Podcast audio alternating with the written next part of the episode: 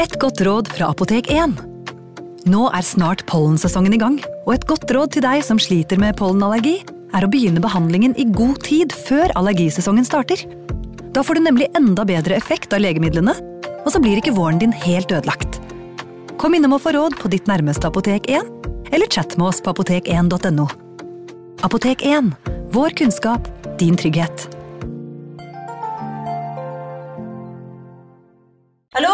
Jeg kommer fra Oslo politikammer. Ine Jansen er purk. Er du purk? The motherfucking bitch. Alt jeg vil, er å finne ut hva som skjedde med mannen min. Jon Carew. Er jeg sikta for noe? Iben Akeli. Det er du. Ole So, Lars Berrum og Big Daddy Karsten. Hvem sin side er du på, egentlig? Anette Hoff, Tone Danielsen, Kommer du fra Afrika? Jørnis Josef, Nesten kløfta. Trond Espen Seim, Det er synd å si det, men det var feil mann som døde. Purk. Premiere tirsdag på TV2 Play. Advarsel. I denne podkasten vil du høre historier basert på informasjon programlederne har funnet selv. Programlederne står ikke nødvendigvis inne for meninger og syn som fremstilles. Noen påstander kan avvike fra virkeligheten.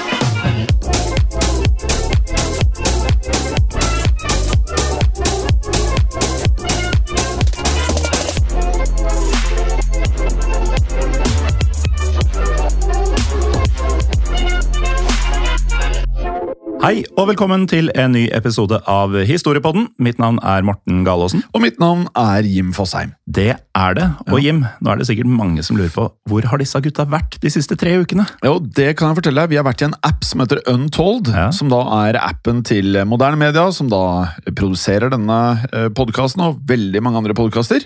Og i den appen, som du da kan laste ned både som eh, Android-bruker og IOS-bruker, eh, og da bruker du i hvert fall på IOS, så bruker du bare Apple Store. Ja, Og på Android så bruker du Google Play Store. Eller så kan du gå inn på www.untold.app og kjøpe deg tilgang på den måten.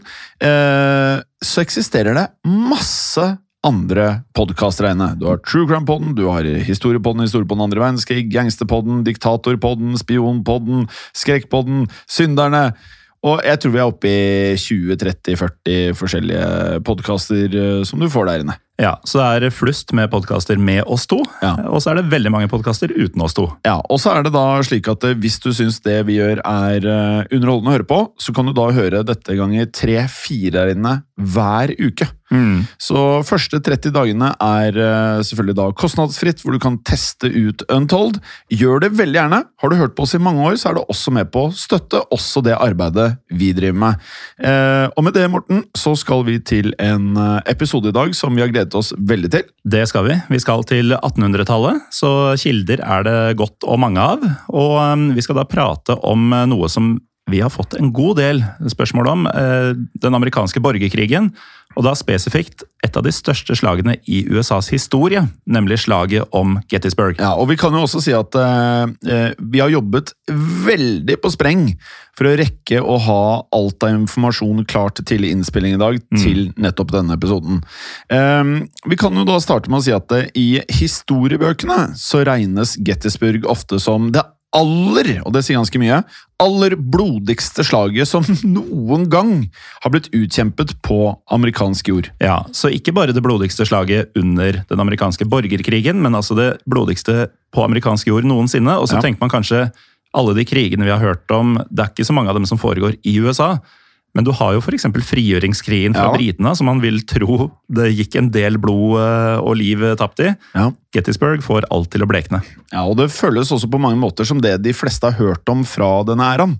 Um, I tillegg så anses Gettysburg som eh, det kanskje mest avgjørende slaget også i den amerikanske borgerkrigen. I denne episoden så skal vi derfor se på hvordan slaget om Gettysburg utspilte seg. Men før vi tar oss av eh, selve slaget, så må vi jo gi litt eh, kontekst rundt den amerikanske borgerkrigen. Og Derfor så kan jeg først nevne at eh, krigen den starta først i 1861. Som også er eh, året da republikaneren, altså Abraham Lincoln, ble amerikansk president. Men siden Lincoln var da en slaverimotstander, så ble han ikke møtt med noe spesielt eh, til jubel i de amerikanske sørstatene. Nei. Lite overraskende, da. For på denne tiden så var jo slaveri en svært sentral del av sørstatssamfunnet. Da Lincoln ble valgt, så fantes det fire millioner afroamerikanske slaver i sørstatene alene. Og gjennom tvangsarbeid på plantasjer så var det disse slavene som holdt i gang sørstatenes økonomi. Det var jo gjerne en plantasjeøkonomi som var bygd på hovedsakelig bomullseksport. Og disse, på disse plantasjene så var det slaver som gjorde mesteparten av jobben. Ja, men eh, da Lincoln ble valgt til president, så fryktet da mange i sørstatene at eh, republikanerne de ville da kunne avskaffe slaveriet totalt. Og dermed så bestemte da elleve forskjellige sørstater seg for å løsrive seg fra USA, og det tror jeg ikke alle er klar over.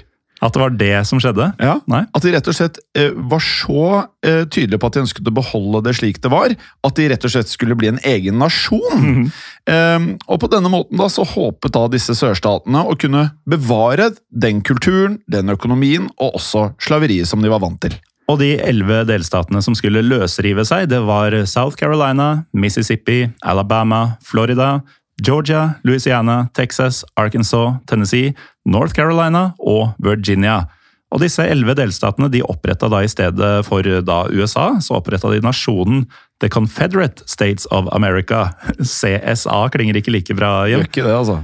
Og for å gjøre det enkelt, så kommer vi likevel da til å referere til eh, The Confederate States som eh, sørstatene. Og igjen så tror jeg mange har sett filmer hvor man eh, har hørt om disse The Confederate States, uten Ja. man kanskje tenker helt over hva det egentlig betyr. Nei, ikke sant? Og The Confederacy, som, eh, som det også ofte ble kalt. Mm. Men uh, da skal vi tilbake til Lincoln, for uh, under hans ledelse så bestemte jo da nordstatene seg for å hindre at sørstatene skulle løsrive seg fra USA.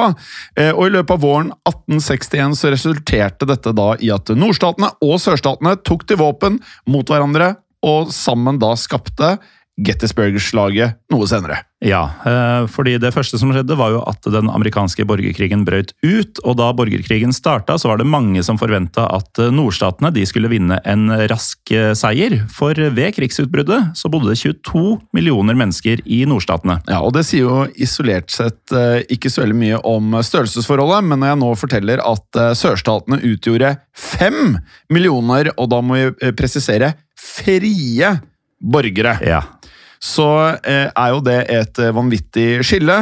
Eh, og de fem millionene frie borgerne, det var jo da hovedsakelig hvite innbyggere, som da ikke inkluderte slavebefolkningen. nettopp. Og med andre ord så hadde nordstatene flere soldater og større ressurser.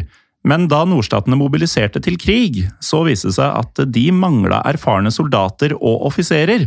Så Derfor så gikk det først eh, dårlig for eh, nordstatene, for eh, de mer erfarne offiserene de fantes hovedsakelig i sørstatene. Ja, og Der ser man hvor viktig det faktisk er med kamperfaring, som vi har pratet mye om i historie på den andre verdenskrig. Ja, Som også finnes i Untold hver eneste uke. Veldig bra. Og frem til 1863 så klarte da faktisk sørstatene å beseire nordstatene i flere slag. Og det er ganske utrolig. Eh, og dette hindret jo da nordstatene fra å kunne innta sørstatenes hovedstad. Og nå kan jeg gi alle lytterne et lite sekund til å tenke seg om. Vet dere hva det var? For dette var nemlig Richmond i delstaten Virginia. Og det er et litt pussig valg av hovedstad eh, i en sånn krig, fordi Virginia ligger ganske langt nord til å være sørstat, og ganske nær Washington DC. Ja. Så det var ikke spesielt taktisk kanskje å legge hovedstaden dit. Nei, og ta gjerne og flikke opp eh, kartet på mobilen mens dere hører dette her, så kommer dere til å se akkurat det du poengterte der, Gallosen. Og i kampene som da fant sted, så ble sørstatsstyrkene i Virginia ledet av en meget erfaren kar, nemlig general Robert Edward Lee. Og alle som har et uh, overfladisk forhold til uh, denne krigen, uh, uansett hvor mye eller lite du veit, navnet General Lee, Ja. det har du hørt om. I 1863 så var Lee 56 år gammel, og han hadde ca. 30 års erfaring fra den amerikanske hæren. Og før dette så hadde Lee også fått toppkarakterer på militærskolen West Point. Ja, og det har jo nå i senere tid blitt Det er jo et voldsomt statussymbol har gått på West Point. Og på West Point, Morten, så fikk eh, general Lee et aldri så lite kallenavn eh, fra medelevene hans. Han ble nemlig kalt for Marmorstatuen. Det høres eh, Jeg, jeg veit egentlig ikke om det er positivt eller ikke, for det høres ut som en veldig stillestående fyr. Jeg er enig med deg, Morten, men eh, vi har jo da klart å finne en eh, artikkel som sier noe om dette her. For den forklarer Li på følgende måte. Med sin ranke holdning og flotte kropp så han ut til å være hogd i stein. Chiseled in stone, eller Ja. from stone. Og I tillegg så forteller kildene at Li var en veldig karismatisk eh, type. Det høres ut som en veldig uvanlig balansegang. Å ha masse karisma samtidig som du virker eh, hugget i stein. Ja, enig. Eh, og så husk på, folkens. Eh, selv om han blir ansett for å være karismatisk, så eide Lie likevel slaver, altså. Det gjorde han. Ja. I um, 1863 så leda Lee hærstyrken The Army of Northern Virginia. Og under Lees ledelse så vant denne hæren flere seire mot nordstatenes hovedhær. Denne nordstatshæren den het The Army of the Potomac, og var da oppkalt etter Potomac-elva, som renner mellom delstatene Virginia og Maryland. Helt riktig. Og så skrur vi tiden frem til våren 1863, for eh, da forsøkte The Army of the Potomac igjen å invadere Virginia. Og da ble nordstatsstyrkene ledet av en Joe Hooker, også kalt Fighting Joe. Det kan jeg like. Det høres ut som en eh, krigsleder. Ja, og Fighting Joe han var da en general som hadde fått et rykte på seg for å være en hardtdrikkende skjørtejeger. Jeg kan ikke komme på at vi har hørt om veldig mange ledere i noen av podkastene våre som har akkurat denne beskrivelsen. Nei, men uh, uansett hvor uvanlige ting uh, som dukker opp i podkastene høres ut, så er det jo sånn at det tydeligvis har skjedd. Ja, Og det kan skje igjen. Uh, og vi kan jo også legge til at Hooker han hadde et hovedkvarter, altså et slags felthovedkvarter. Og når vi har sagt det at han er hardt drikkende, og at han også er en skjørtejeger, så skal det angivelig ha foregått mye festing, mye gambling, og jeg vil tro at eh, det også var en del slåssing. Det kan godt være i klassisk sånn eh, militærdisiplinell eh, stil. Og mellom eh, 30. april og 6. mai 1863 så beseira Lees eh, Hookers styrker under slaget ved Chancellorsville i Virginia. Her ble 106 000 nordstatssoldater utmanøvrert og drevet på flukt av eh, litt over halvparten. Lee hadde 60 000 sørstatssoldater. Og vi var innom dette her med kamperfaring og eh, Altså, de er nesten, altså Nordstatssoldatene er nesten dobbelt så mange. Ja, men de, er jo, de drikker og gambler så mye, vet du. Ja, det er nettopp det. Eh, men vi kan jo legge til at eh, tapstallene var allikevel ganske like på begge sider. Mm. I hvert fall hvis man tar døde og sårede under samme kam. Ja, det er riktig. For um, The Army of Northern Virginia de mistet ca. 12.700. Og det er jo som du sier da, ink eh, sårede soldater. Mens The Army of the Potomac de mistet ca. 12 100. Altså også eh, inkludert sårede. Ja, Så det er et, øh, en diskrepans på 600 her, da. Så det er ganske likt, som du sier. Veldig likt. Og for å unngå at øh, sørstatene tapte en utmattelseskrig, så bestemte Lee seg deretter for å invadere nordstatene i håp om å vinne en avgjørende seier. Og her følte Lee seg selvsikker, ettersom hæren hans hadde til gode å bli beseira på slagmarken. Så hadde nemlig Lee skaffa seg et rykte som en nærmest uovervinnelig general. Ja, og vi vet jo det fra gammelt av. Dette er jo lenge før eh, internett og telefoner og alt dette her. Det at eh, det ble snakket om eh, blant mennene at eh, det var noen som enten hadde god karisma, eh, mye flaks eller var uovervinnelig, så ble det nesten en sannhet. Ja, vi kan ikke tape under denne mannen. Nettopp. Så med denne vanvittige selvtilliten da, så sørget Lee for å legge en eh, riktig så kløktig slagplan.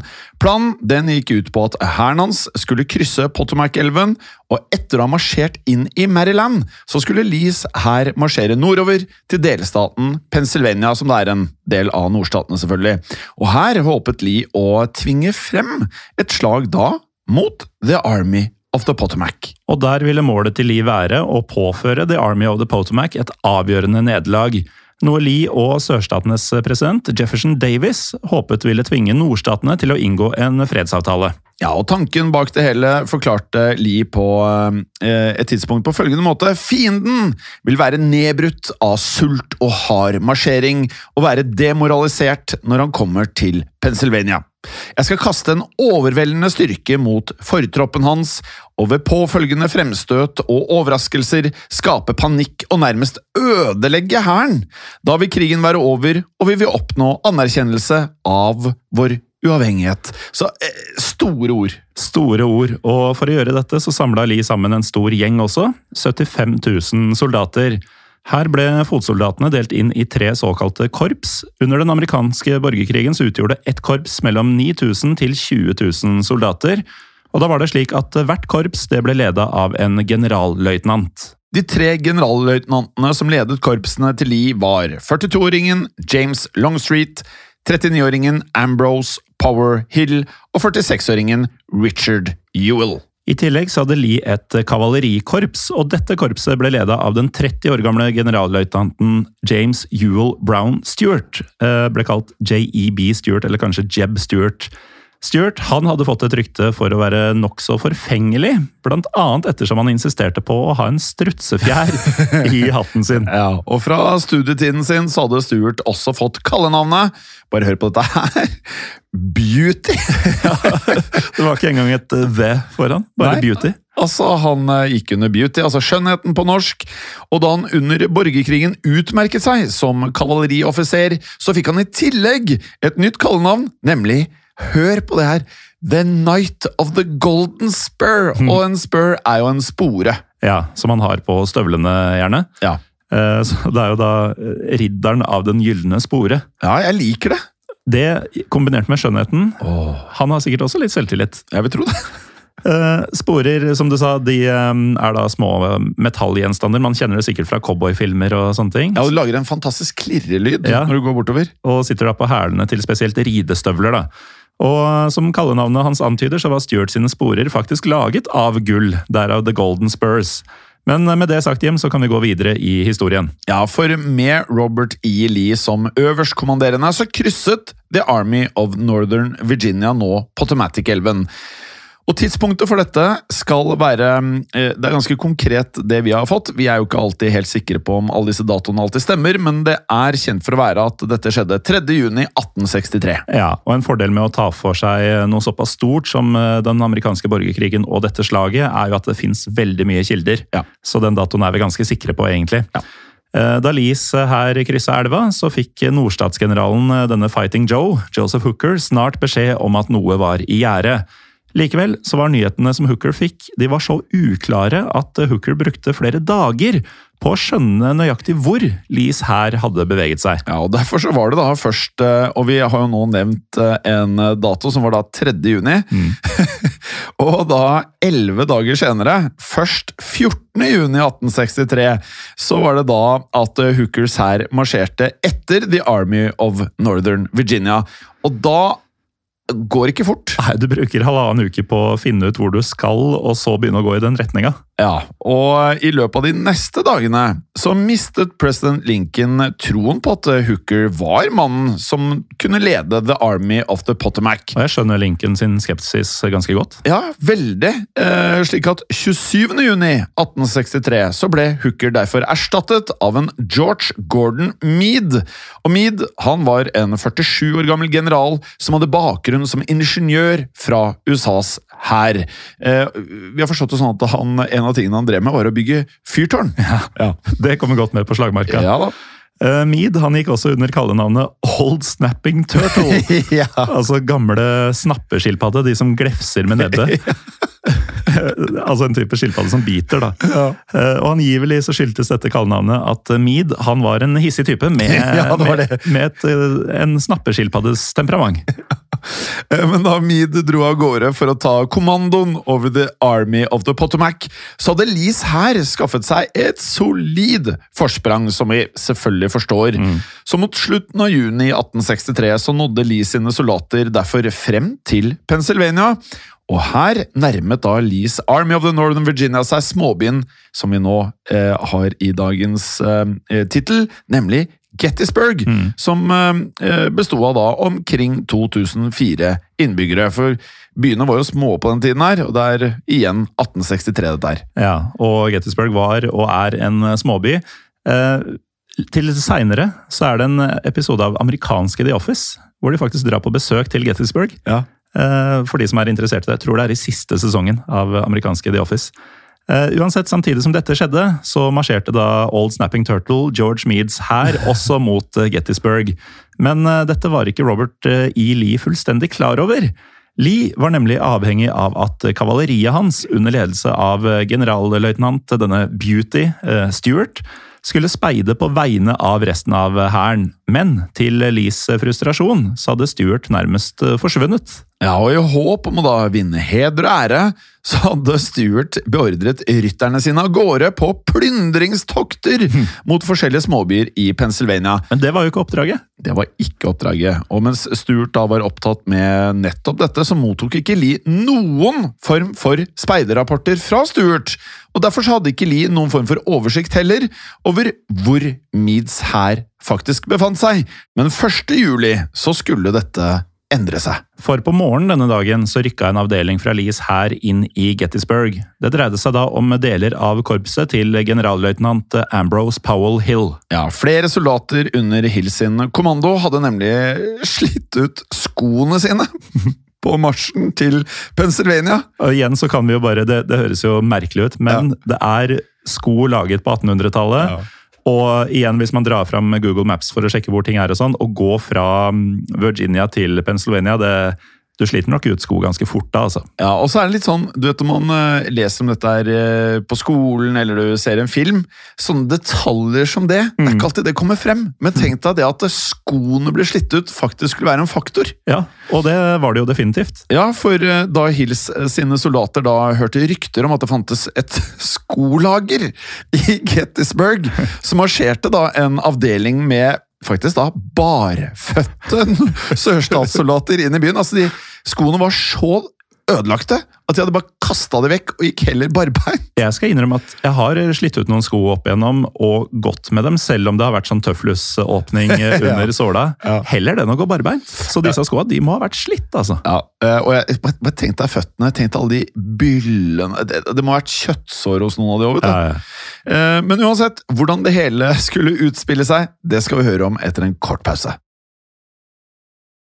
Velkommen tilbake. Før pausen så var de barføtte sørstatssoldatene til generalløytnant Ambrose Hill på vei inn i Gettysburg for å skaffe seg nye sko. Men før Hills soldater rakk å plyndre det lokale skolageret, så støtte de på fiendtlige soldater. Og det ønsker du spesielt ikke uten sko? Nei, dette er ikke godt lederskap. Nei, det er ikke bra. For da Hills sine menn nærmet seg Gettysburg, så hadde byen allerede fått besøk av nordstatskavaleriet. Og denne kavaleriavdelingen den besto av eh, relativt mange menn, nemlig 3000 stykker, som ble ledet av brigadegeneral John Buford. Vi nevnte jo før pausen at Gettysburg sitt innbyggertall var 2400 ca. Ja. Så vi sier at bare denne avdelinga mer enn dobla innbyggertallet i byen. Ja, det er vanvittig. Og det er én avdeling fra én av sidene. Ja, eh, Og på dette tidspunktet så utgjorde da Bufords avdeling en av troppene til The Army of the Potomac, for resten av hæren var flere kilometer unna. Da Hills eh, sørstatssoldater marsjerte mot eh, Gettysburg, så brøt det derfor ut eh, kamper. Og selv om Bufords menn var i undertall, så hadde Buford beordra at soldatene hans skulle stige av hestene sine. Deretter så søkte de dekning blant gjerder, trær og små steinmurer rundt byen, og fra disse stillingene så klarte Bufords soldater å stanse de første angrepene fra Hills soldater. Og Vi kan jo for øvrig si litt om eh, hvordan datidens eh, krigføring foregikk, for det er litt annerledes enn det er i dag. Mm. For på denne tiden så brukte man nemlig da muskettgevær. Det er ikke AK-47, for å si det sånn. Det er det ikke. For disse muskettene de skjøt da selvfølgelig ett skudd om gangen, før muskettene deretter måtte lades på nytt, og det tok jo tid. Det tok tid. Har du sett uh, Ute i vår hage, Jim? Ja. Det er den episoden om nynorskforkjemperne. Hvor det er en reklamefilm for eh, en muskedunder ja. som eh, nynorskfolket kan bruke i kamp mot disse undertrykkende bokmålsfolka. Ja. Og da er det nettopp det at du, du, skyter ett skudd, og så må du ha da en eh, sånn stapp, stappestav ja. og en pung med krutt for å kunne gjøre klart til neste skudd. Og utover hage, for de som ikke vet hva det er, så er det, Morten? Det er Bård Tufte Johansen, Harald Eia med flere sin meget absurde, sånn, nesten sånn kortfilmserie. Fra, og dette ligger på nrk.no. Ja, tidlig 2000-tall. Ja. Uh, uansett, i 1863 eh, så hadde mange musketter en rekkevidde på ganske mye, faktisk. 800-900 meter. Men i praksis så var det vanskelig å treffe mål lenger enn 400 meter unna, ettersom siktet på muskettene måtte justeres nøye. Og det var jo ikke helt enkelt å gjøre midt i et slag. Nei, på ingen måte. I stedet så var det da vanlig at uh, soldatene de stilte seg opp skulder til skulder. Deretter så marsjerte soldatene frem mot fienden, og på bare noen få hundre meters avstand så åpnet partene ild mot hverandre. Eh, og etter hva vi har forstått, så kan dette være Det kunne ha vært så nært som 50-40 skritt unna Ja. hverandre. Og vi nevnte jo tidlig her at dette kom til å bli eh, et blodig slag. Og vi skjønner jo hvorfor. Man skjønner hvorfor. Eh, Men eh, ettersom muskettene da ble lada med sort krutt, så skaptes det mye røyk når muskettene ble avfyrt. Og når tusenvis av soldater skøyt samtidig på slagmarka, så ble det vanskelig å se noen ting egentlig på grunn av all denne røyken. Men for å gjøre det verre, så var det ikke mange soldater som fikk eh, ordentlig skytetrening før de, før de sto der. Nei, de gjorde ikke det, for under den amerikanske borgerkrigen så fikk rekrutter bare noen få ukers opplæring. Noen fikk ingenting. Eh, og da var skytetrening eh, Det var ikke noe som sto høyt på prioriteringslisten. Nei, det var ganske uvanlig. Og vi har et uh, vanvittig eksempel her. Fordi det er ett av disse infanteriregimentene som uh, kjempet i nordstatshæren ved Gettysburg. Så skal angivelig de, bare hør på dette her, kun ha gjennomført én dag med skytetrening. Ja. Eh, og jeg vil jo anta at man ikke ble veldig mye bedre. Nei, det ble man ikke. Dette regimentet det het 24th Michigan. Og da regimentet gjennomførte skytetreninga si, så forteller kildene at eh, tre soldater faktisk ble såra. Dette er da én dag med trening. Ja. De skada tre av sine egne. Men enda verre, én døde av hjertestans. Ja, Med andre ord, det vi prøver å si at det var lite trening, og mye av treningen virket ikke spesielt organisert heller. Likevel, Morten, så var 24th Michigan på plass da resten av Meade sin hær fikk nyheten om kampene ved Gettysburg. Og da dette ble klart, så begynte hele nordstatshæren å bevege seg mot Gettysburg. Men i kampene som nå fant sted, så var det sørstatenes styrker som fikk eh, overtaket. For eh, selv om Buford eh, mottok forsterkninger i form av et korps under nordstatsgeneralen John Reynolds, så dukka det opp enda flere sørstatssoldater. De gjorde det. Først så ankom resten av korpset til generalløytnant Hill. Deretter dukket også korpset til generalløytnant Ewell opp. Dermed hadde sørstatene nå flest soldater rundt Gettysburg. Og her er de nøyaktige tallene mm, kanskje litt vage, men ifølge den amerikanske historikeren en Tim Smith så nådde da omkring 18 000 nordstatssoldater frem til Gettysburg. Mens på sørstatenes side så hadde 30 000 soldater nådd fram til Gettysburg. Og vi husker jo fra tidligere slag at eh, Lee og sørstatene de hadde vunnet eh, slag mot nordstatene tidligere i krigen med langt færre soldater. Nå har de klart overtall. Og dette gjorde at eh, Buford og Reynolds eh, sine soldater ble pressa bakover. Og da Reynolds ble skutt og drept mens han leda soldatene sine til hest, så brøt det ut kaos blant Reynolds eh, sine menn. Og uten Reynolds til å lede dem, så trakk nordstatssoldatene seg tilbake gjennom sentrum av Gettysburg. Og da ble jo da byen angrepet av styrkene til sørstatsgeneralen Richard Ewell.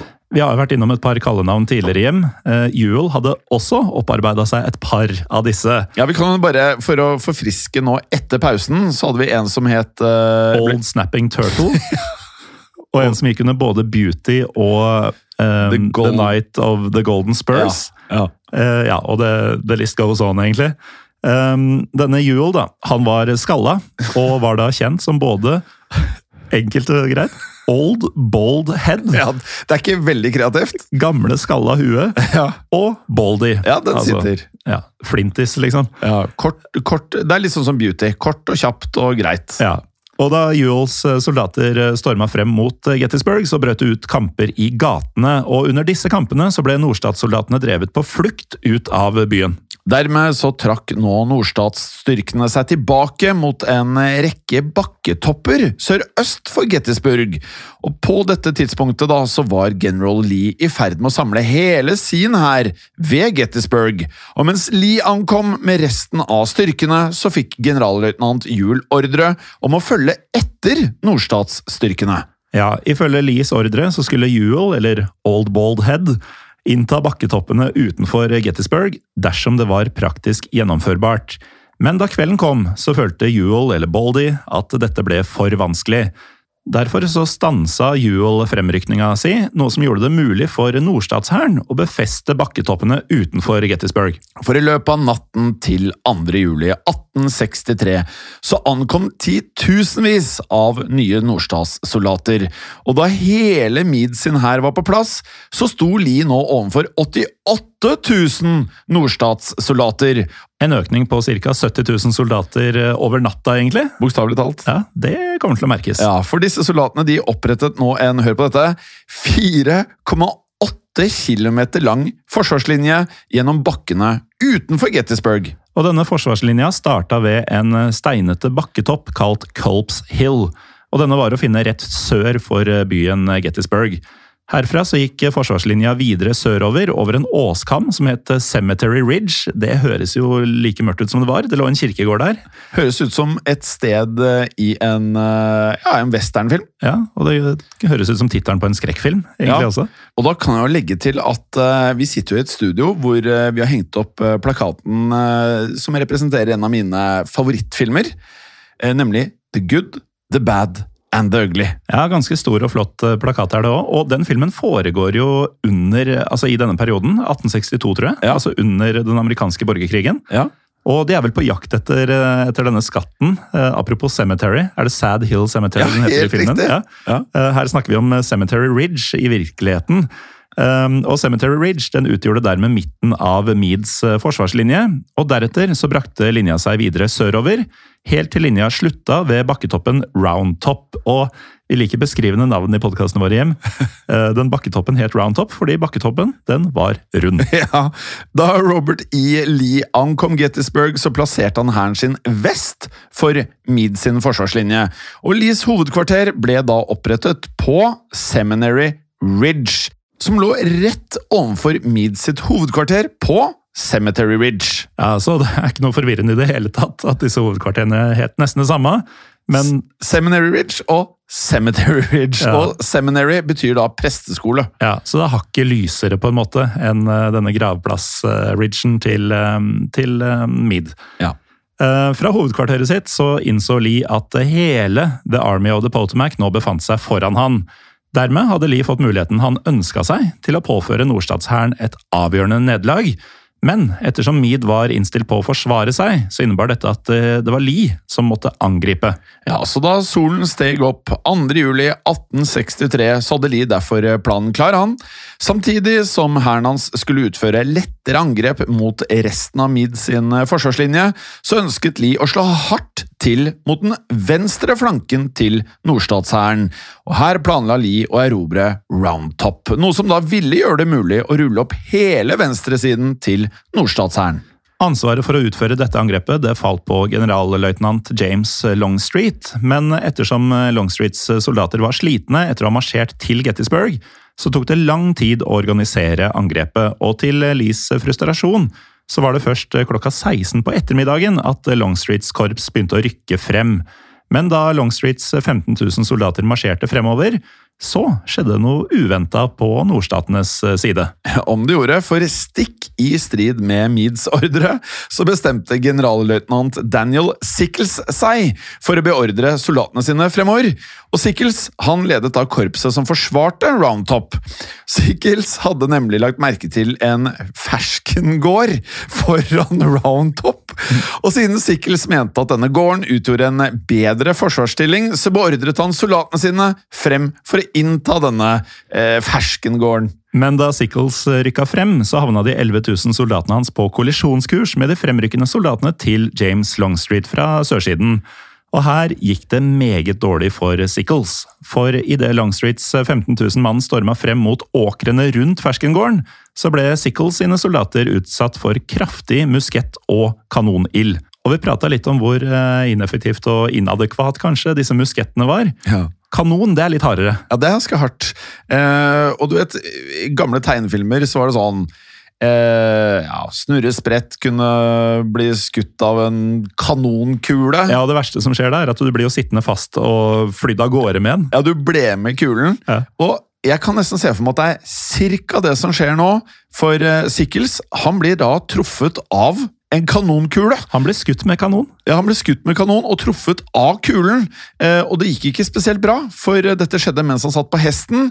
Og det endte med at eh, Sickles rett og slett da mistet høyrebeinet. Ja, og det er noe veldig ulogisk over hele hendelsesforløpet her. Ja. Fordi det mm, Blir du truffet med en kanonkule når du sitter til hest, så tenker man jo at du blir treffet kanskje i magen eller hodet eller overkroppen. da. Mhm. Men det høres jo ut som han ble treffet i beinet. Ja, Det høres litt sånn ut, da. Eller at hesten ramla oppå benet. Mm. og at det, Det er mye som kan ha skjedd. Ja da, ja da. Eh, og mens Sikkels da ble hjulpet eh, til nærmeste feltsykehus, så ble soldatene hans drevet på flukt med enorme tap. Sikkels overlevde det hele. Eh, Men han amputerte da lårbenet. Eh, Og dette lårbenet, det er jo stygt å le, men eh, det står da utstilt på et museum for de som er interessert i å se lårbenet til Sickles. Ja, Det ekte amputerte lårbeinet til David Sickles det er altså på museum, som de sier. Eh, Nærmere bestemt eh, for de som er interessert, The National Museum of Health and Medicine, Ja. som ligger i Silver Spring, Maryland. Ikke så langt unna Washington DC. Og der er det. Jeg tenker at hvis jeg noen gang er i DC, så tar jeg den korte Ja, turen. Fordi det lårbeinet, det vil jeg, det vil jeg se. Og hvis noen av lytterne faktisk er der, så ta gjerne et bilde av det Ja. der, så vi får sett det, og send det til oss på Eller du kan dele det i Historie for alle, altså Ja, mye bedre, for da kan ja. alle se det. Ja. Eh, Og den heter da Historie for alle, som du sier. Eh, Ligger på Facebook. Plass til mange flere og mye mer aktivitet. ja, Vi bikket akkurat 6000, så det er bra. Ja, det er fint. Eh, Idet vi går videre, rettet Longstreet blikket mot Roundtop, som jo var målet hans, og det var nå tilsynelatende dårlig forsvart. Men da Longstreets menn rykka opp skråningene som førte til Roundtop, så støtte de likevel på uventa motstand. For da Sickles eh, sitt korps la på flukt, så tok en annen nordstatsoffiser affære. Det dreide seg her om en oberst med det hardbarka navnet. Altså, Hør på dette her, fornavnet hans. Strong. Etternavn Vincent, altså Strong Vincent. Og Strong han øh, gjorde ting på eget initiativ, han, for han ledet øh, brigaden sin til Roundtop før Longstreets menn nådde frem. Og dermed så var Strong sine soldater på plass til å forsvare bakketoppen, heldigvis da for dem. Når de da ankom denne bakketoppen, så tok da nordstatssoldatene dekning, gjerne bak steiner og trær og det de fant, men de ble da utsatt for kraftig kanonild nok en gang fra sørstatshæren. Og deretter så um, kom da Longstreet med tusenvis av soldater stormende opp skråningen mot Roundtop. Og dermed så ble Strong Vincents eh, undertallige menn pressa bakover, noe som gjorde at eh, Strong han stilte seg opp på en stor stein for å inspirere soldatene sine. Og herfra ropte Strong Vincent ikke gi opp så mye som en centimeter! Og Man tenker at dette er noe som er skrevet til en film, men han gjorde dette. Det er litt sånn heltete, da. Ja, men eh, det er heltete, men også kanskje litt eh, Det er kanskje noe dårskap i at eh, når du blir beskutt med kanoner, og stille deg opp på en stor stein. Ja, for ting kan jo skje. Ting skjer. Sekunder etter at han sa dette, så ble Strong Vincent truffet av en kule i lysken. Og um, denne skaden gjorde faktisk at Vincent han døde fem dager senere. Og da Strong Vincent ble båret vekk fra slagmarka, så raste kampen på Roundtop videre. Før han ble skutt, så ga Vincent ordre om at en oberst ved navn Joshua Chamberlain skulle lede et regiment med soldater til Little Round Top. Og Little Round Top var en mindre bakketopp som lå ved siden av Round Top. Altså, du kan ikke finne på dette her. Nei. Og ved å innta Little Round Top, så kunne Longstreets menn ta seg rundt på siden av Vincent sine soldater, og derfor så måtte da oberst Chamberlain nå holde stand for enhver mulig pris. Før han meldte seg til krigstjeneste ett år tidligere, så hadde Chamberlain faktisk jobba som professor innen retorikk og språk. Så hvis vi spoler litt tilbake, vi har en general som er ingeniør og har bygd fyrtårn. Og her har du en fyr som var eh, retoriker og språkviter. Og her får vi jo eksempel på eksempler med dette vi startet med episoden, med at det var ikke veldig mye erfaring på nordstatssiden. Riktig, men selv om han ikke hadde mye militær erfaring, så var Chamberlain rett mann for denne jobben. For um, idet soldatene hans søkte dekning blant trærne på Little Round Top, så slo de tilbake flere bølger med angripende sørstatssoldater. Men til slutt så hadde kampene rast så lenge at Chamberlains menn gikk tomme for ammunisjon. Og da en ny bølge med sørstatssoldater rykket opp mot Little Round Top, så sto Chamberlain overfor et valg. Han kunne enten beordre en tilbaketrekning, noe som da ville innebære at venstreflanken til nordstatshæren risikerte å kollapse fullstendig. Eller så kunne Chamberlain gi ordre om at soldatene hans skulle gå til motangrep med bajonetter. Og vi snakka om hvor ineffektive musketter kunne være. Bajonett er jo da knivbladet som var festa på enden av geværet. Og her falt valget faktisk på det siste alternativet. De gikk til angrep med bajonettene, og det overraska Longstreets menn fullstendig. Men jeg har ofte tenkt på det her, jeg har sett mye filmer eh, som involverer borgerkrigen i USA. De der bajonettene de virker jo egentlig ikke noe mindre effektivt enn de der muskettene. Nei, du måtte jo gå så nærme med muskettene uansett. Ja, og eh, bajonetten kan du dra ut og bruke igjen med en gang. Ja. Du trenger ikke noe stappestav. Og her, som vi nevner, så fikk jo, eh, her fikk de jo også overraskelsesmomentet. For da Chamberlain sine soldater stormet til angrep, så ble disse sørstatssoldatene de ble vettskremte og også jaget på flukt ned fra Little Round Top. Og da dette skjedde, så trakk Longstreet styrkene sine tilbake fra både Round Top og Little Round Top. Det er jo et lite mirakel, egentlig. Ja. For da klokka nærma seg halv elleve på kvelden, så var Longstreets menn utslitte etter ca. seks timer eh, sammenhengende med kamper. Og dermed så hadde Joshua Chamberlain og Strong Vincent redda dagen for The Army of the Potomac, altså nordstatshæren. Og for å ha gjort dette, så mottok Chamberlain USAs høyeste militære utmerkelse, nemlig, nevnt i veldig mange podkaster fra oss tidligere, The Medal of Honor. Som også er tittelen på et av de beste PlayStation 1-spillene noen gang laget. Ja, det Eh, er legendarisk. Ja, Det er legendarisk, og bare til alle dere som ikke har spilt det, hvis dere ønsker litt nostalgi, finn det frem, for det er nemlig da mm, faktisk sånn at eh, Tom Hanks og Steven Spielberg eh, har vært med litt på regisiden, og basert da på deres vanvittige kunnskap om eh, annen verdenskrig. Ja. Men idet vi da går videre, så var soldatene på begge sider nå totalt utmattede. For gjennom dagen så hadde da soldatene hatt eh, lite tilgang til vann, samtidig som de da var kledd i uniformer laget av ull. Ja, dette er en kjip kombinasjon. Ja. I juli. Ja, og så har vi tidligere nevnt at eh, det var ikke alle soldatene som hadde de beste skotøyene heller.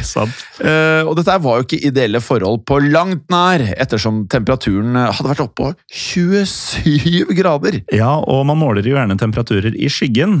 Her er du ute på åpen mark, så du kan jo bare tenke deg hvor varmt det egentlig var. Og da natta kom, så måtte Robert E. Lee og de slitne soldatene hans konstatere at planen deres hadde mislyktes. I tillegg så hadde tusenvis av soldater mista livet, og her er igjen dessverre de nøyaktige tallene de er usikre. Men ifølge noen estimater så ble ca. 18 000 soldater drept eller såra gjennom denne andre dagen av slaget. Og i løpet av både 1. og 2. juli 1863 så skal om lag 35 000 soldater ha blitt enten drept eller såra. Ja, og så skal vi huske på at uh, Lee og soldatene hans de var jo fulle altså de, de trodde at de var uovervinnelige. Ja, eh, Fulle en av dag- selvtillit. En dag eller to før så så livet ganske mye lysere ut for li. Vi tar oss videre til 3. juli, og selv om det hadde gått langt hardere enn li hadde sett for seg, så hadde ikke li gitt opp tanken på å vinne slaget. For vi nevnte jo tidligere at eh, målet var jo da rett og slett å tvinge frem en avgjørende seier, som igjen ville da skape et rom for en fredsavtale. Og derfor så valgte Robert E. Lee å satse alt på et siste angrep. Og dette angrepet det har blitt huska som Pickets charge, eller Pickets angrep, rett og slett. Og da må vi selvsagt introdusere mannen dette angrepet er oppkalt etter, nemlig den 38 år gamle generalmajoren George Pickett, som i sin tid ble uteksaminert som den dårligste eleven i kullet sitt ved militærakademiet West Point. Det var da et kull på 59 mann. Pickett var den dårligste av disse 59. Det er jo selvfølgelig han du ønsker skal sitte med dette ansvaret. Ja. Likevel hadde Pickett nå kommandoen over en divisjon med brigader som tilhørte korpset til James Longstreet, og ettersom Picketts divisjon var blant de siste sørstatssoldatene som ankom Gettysburg, så var Pickett ivrig etter å få deltatt i kampene. Jeg tenker jo at de kom seint fordi han rota seg bort. Ja, det er fristende å tenke det. Og Derfor så ble det bestemt at Pickett sine menn de skulle lede han i angrepet som Lee nå ønsket seg. Lee ville nemlig gjennomføre et frontalangrep mot midten av Meads forsvarslinje. Og dette midtpunktet det var som vi nevnte tidligere, å finne langs eh, Cemetery Ridge. For her mistenkte Lee at Meads styrker var svekket, for Lee han trodde nemlig at Mead hadde sendt styrker vekk fra Cemetery Ridge for å forsterke forsvaret av Roundtop. Ja, og eh, med det så beordret da Lee et storangrep mot Cemetery Ridge. Dersom angrepet lyktes, så ville Lee sine soldater dele Meads hær i to, noe som da ville gjøre det mulig for Lee å omringe og også utslette The Army of the Potomac. Og Derfor skulle George Picketts divisjon gå i spissen for ca. 12 500 sørstatssoldater som skulle innta Cemetery Ridge. Men for å gi disse soldatene bedre sjanser for å lykkes, så ga Lee ordre om at alle kanonene i hæren hans først skulle bombardere Cemetery Ridge. Og slik håpet Lee å sette kanonene til nordstatshæren helt ut av spill, noe sånn ville gjøre det langt enklere for sørstatssoldatene å kunne angripe. Ja, for uh, hvis man skulle nå Cemetery Ridge, da måtte nemlig de 12.500 sørstatssoldatene marsjere over en 1,2 km lang åpen slette. På denne sletta var det nesten ingen dekning mot fiendtlig kanonild, og derfor var det avgjørende at Lees artilleri klarte å sette Meads artilleri ut av spill. Og det var en riktig tanke, for mange av kanonene til Mead de sto oppstilt ved Cemetery Ridge. Ja, og på formiddagen, altså vi er fremdeles eh, samme dag her, nemlig 3. juli, så åpnet omkring 170 av Lee sine kanoner ild mot Cemetery Ridge og deretter så fortsatte kanonene å skyte i omkring to timer. Og her kan vi jo fortelle litt om hvordan disse kanonene fungerte. Det er på tide. På dette tidspunktet så var M1857 Napoleon en av de vanligste kanonmodellene som ble brukt av både sørstatene og nordstatene. Og selv om vi ikke har en nøyaktig oversikt over kanonene som Lie disponerte, så vet vi at hæren hans hadde flere titalls M1857-kanoner. Disse kanonene besto av et kanonrør festa til to hjul, som kunne trekkes av hester. Så det vi beskriver her, er den kanonen du tenker på når du tenker kanon, omtrent? da? Ja, og ja. jeg tenker jo litt eh, når vi hører at den kan trekkes av hester. En veldig tidlig tanks. Ja, og det her var ikke lette saker. Eh, kanonene de veide omkring 550 kilo, mens kanonkulene som ble brukt eh, som da ammunisjon, de var heller ikke spesielt lette. De var på omkring 6 kilo per stykk, og kulene ble skutt ut i en hastighet på 453 meter i sekundet, og ifølge våre kilder så kunne da disse M1857-kanonene avfyre ett skudd i minuttet. Så dersom vi antar at resten av Lees artilleri var i stand til det samme, så kunne de ca. 170 kanonene hans avfyre 10 200 kanonkuler i timen. Og det er mye! Det er mye. Og siden bombardementet av, eller kanonaden om du vil, av Cemetery Ridge varte i to timer, så kan muligens så mye som 20 400 kanonkuler ha blitt avfyrt. Noe som i så fall gjorde dette til det kraftigste artilleribombardementet i historien inntil dette tidspunktet. Så det vi beskriver her, er jo et vanvittig angrep. Og det vi eh, nesten ikke har sagt nok, er at dette er mot dine landsmenn. Ja.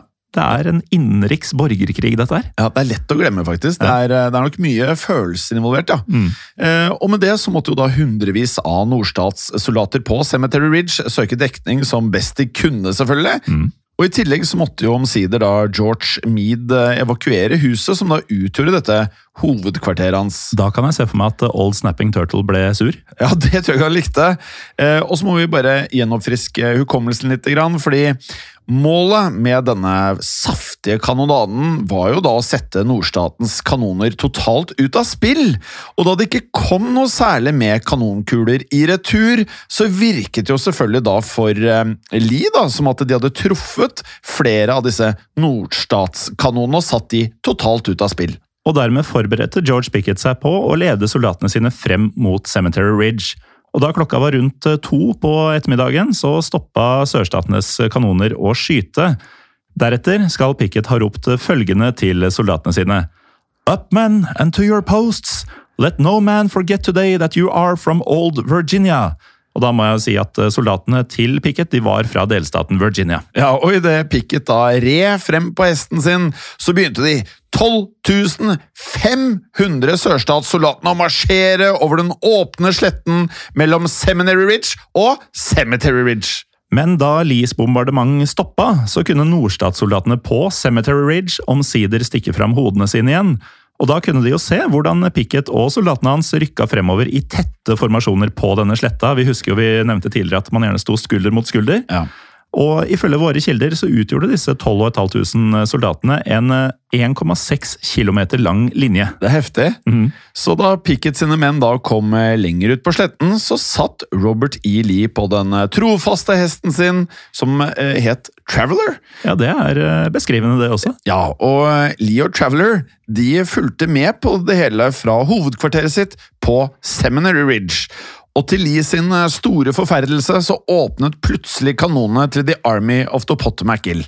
Ja, Da Lees kanoner tidligere hadde bombardert Cemetery Ridge, hadde nemlig mange av nordstatskanonene fått ordre om ikke å skyte tilbake. For på denne måten så håpa George Meads artillerisjef Henry Hunt å lure Lee til å tro at kanonene var satt ut av spill, og det må vi jo si fungerte ganske bra. Men da Pickets soldater begynte å marsjere, så var nordstatskanonene egentlig mer enn kampklare. Så i realiteten så hadde da nemlig Lee sine kanoner siktet altfor høyt.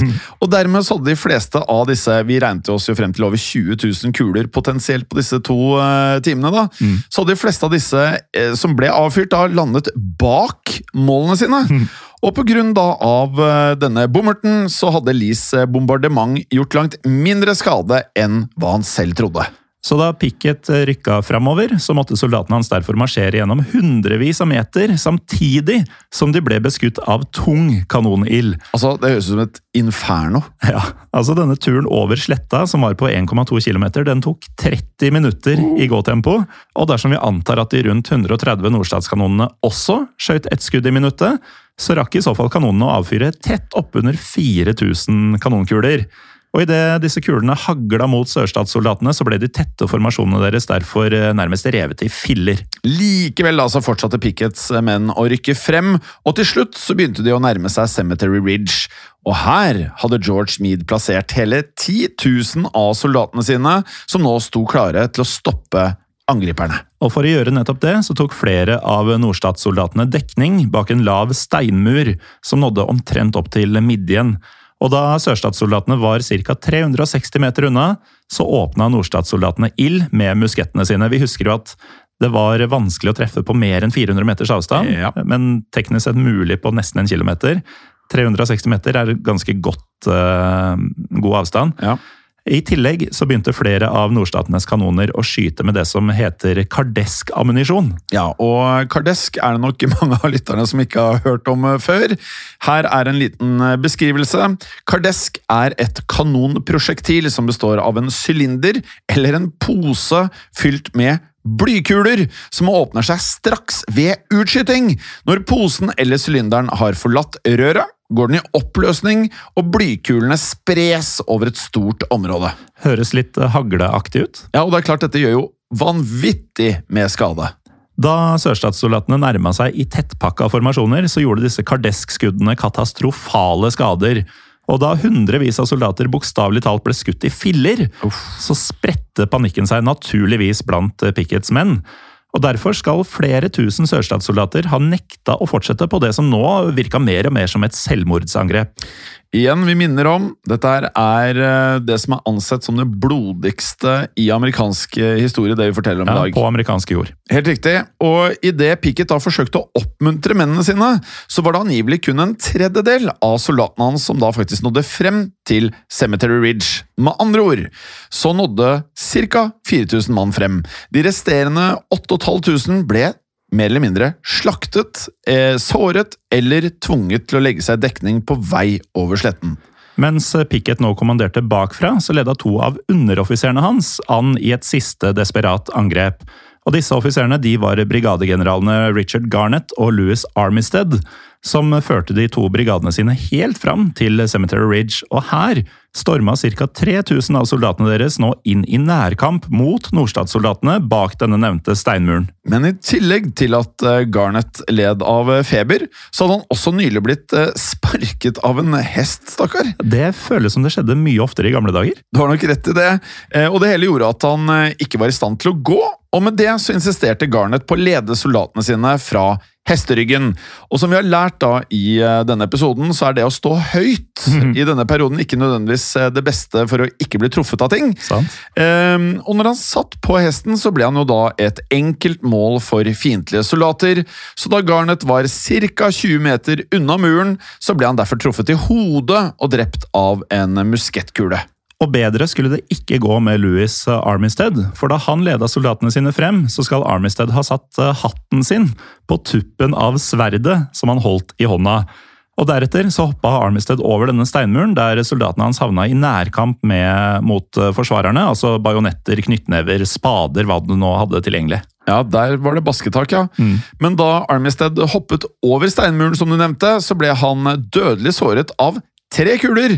Og mens sørstatssoldatene hans kjempet desperat, så mottok da nordstatssoldatene stadig flere forsterkninger.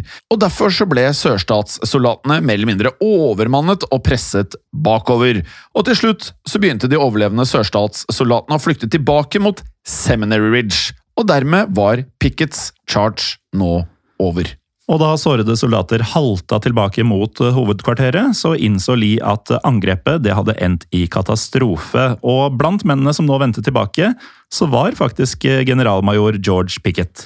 Og da Lee red frem til Pickett, så skal Lee ha bedt Pickett om å forberede divisjonen sin på et eventuelt fiendtlig motangrep. Og da svarte Pickett følgende.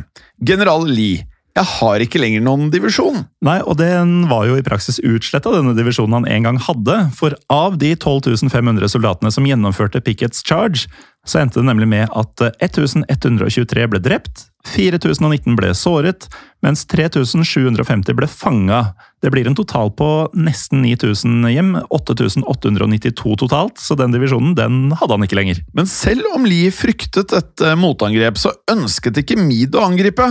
I stedet så lot Meade soldatene sine hvile til neste dag, og da morgenen kom, så var datoen blitt da 4. juli, og denne dagen beordret Lee at hæren hans skulle trekke seg tilbake til Virginia, og dermed hadde George Meade beseiret Lee sin Army of North Virginia. Og som mange lyttere vet, så er jo 4. juli også USAs nasjonaldag. Men på slagmarka ved Gettysburg så var det liten grunn til feiring denne dagen. For da slaget ble avslutta, så hadde totalt 8000 soldater blitt drept gjennom tre dager med kamper. Og I tillegg så var opptil 43 000 soldater blitt såra. Og På nordstatens side så hadde 23 000 blitt drept eller såret, men på sørstatenes side så hadde det blitt estimert at omkring 28 000 var drept eller såret. Og med det, Morten, så skjønner vi da plutselig hvorfor Gettysburg har blitt stående som det aller blodigste slaget som har blitt utkjempet på amerikansk jord gjennom historien. Ja, og Da Lee trakk seg tilbake, så hadde planen hans om å vinne en avgjørende seier mislyktes totalt, noe som på sikt bidro til at sørstatene tapte den amerikanske borgerkrigen. Ja, så Dette var viktig for forløpet. Eh, og Gjennom de neste månedene så måtte da Lee til slutt forsvare Virginia mot nye angrep fra nordstatene, og til slutt så ble Lee sin hær gradvis slitt totalt ut av den overtallige nordstatshæren. Så våren 1865 så Robert E. Lee seg derfor nødt til å overgi seg, og dermed så endte den amerikanske borgerkrigen med at nordstatene vant. Men dersom Lee hadde vunnet ved Gettysburg, så kunne historien ha sett eh, annerledes ut, og derfor så har Gettysburg blitt trukket frem som det kanskje mest avgjørende slaget i hele den amerikanske borgerkrigen. Og eh, dersom noen har fått eh, mersmak på denne historien, så kan vi jo foreslå en film. Den heter Gettysburg og er fra 1993. Og her spilles eh, Robert E. Lee av eh, en Hollywood-veteran, nemlig Martin Sheen. Og i tillegg så har man da Jeff Daniels i rollen som da oberst Joshua Chamberlain. Det er ikke noen smågutter. Nei, dette her er eh, gode skuespillere begge to, og er en stor film. Det er det. Ja. Så den, den tror jeg jeg skal se igjen i nær framtid. For jeg har i hvert fall fått smaken på mer. Ja, det er veldig interessant uh, alt med den amerikanske borgerkrigen. Men da er det jo faktisk sånn at hvis du ikke har sett en av mine favorittfilmer, som jeg nevnte, The Good, The Bad and The Ugly, så er jo denne også å anse som en film, selv om det er en western, uh, også å anse som en film fra borgerkrigen. Ja, i hvert fall eh, går den for seg under perioden. Ja. Og det er mye faktisk eh, soldater og Ja, mye ja. bakteppe. Ja, Det er helt riktig, det. Og med det, folkens, hvis dere ønsker mer av dette her, så laster du ned appen Untold på Apple Store hvis du har iPhone. Eller hvis du er som meg og bruker Android, Google Play Store. Ellers kan du gå inn i browseren din og skrive untold.app, og så kan du få tilgang på den måten. Ja, Og um, i mellomtida, Jim, så må vi si at dette har skjedd. Og det kan skje igjen. Ha det. Ha det bra. Historiepodden ønsker å takke følgende. Dere som hjelper oss som sitter i produksjonen. Dere som hjelper oss og sitter i redaksjonen, inkludert eh, tekstforfattere. Det er helt riktig. Og dere som sitter på marked, som faktisk da gir oss muligheten til å drive med Historiepodden. Og selvfølgelig alle dere som hører på. Tusen takk. Moderne media. Har du et enkeltpersonforetak eller en liten bedrift? Da er du sikkert lei av å høre meg snakke om hvor enkelt det er med kvitteringer og bilag i fiken, så vi eh, gir oss her, vi. Fordi vi liker enkelt. Fiken superenkelt regnskap. Hei, og takk for at du lytter til Historiepodden. Skulle du ønske at du kunne høre en ny episode av Historiepodden hver eneste uke? Vel, da er det én ting å gjøre. Da kan du laste ned podkastappen Untold med det samme. For i tillegg til ukentlige episoder av podkaster som Historiepodden andre verdenskrig, Henrettelsespodden og også Gangsterpodden, så får du masse annet reklamefritt og også eksklusivt innhold. Last ned Untold i AppStore eller Google Play og start din 30 dagers gratis prøveperiode allerede i dag.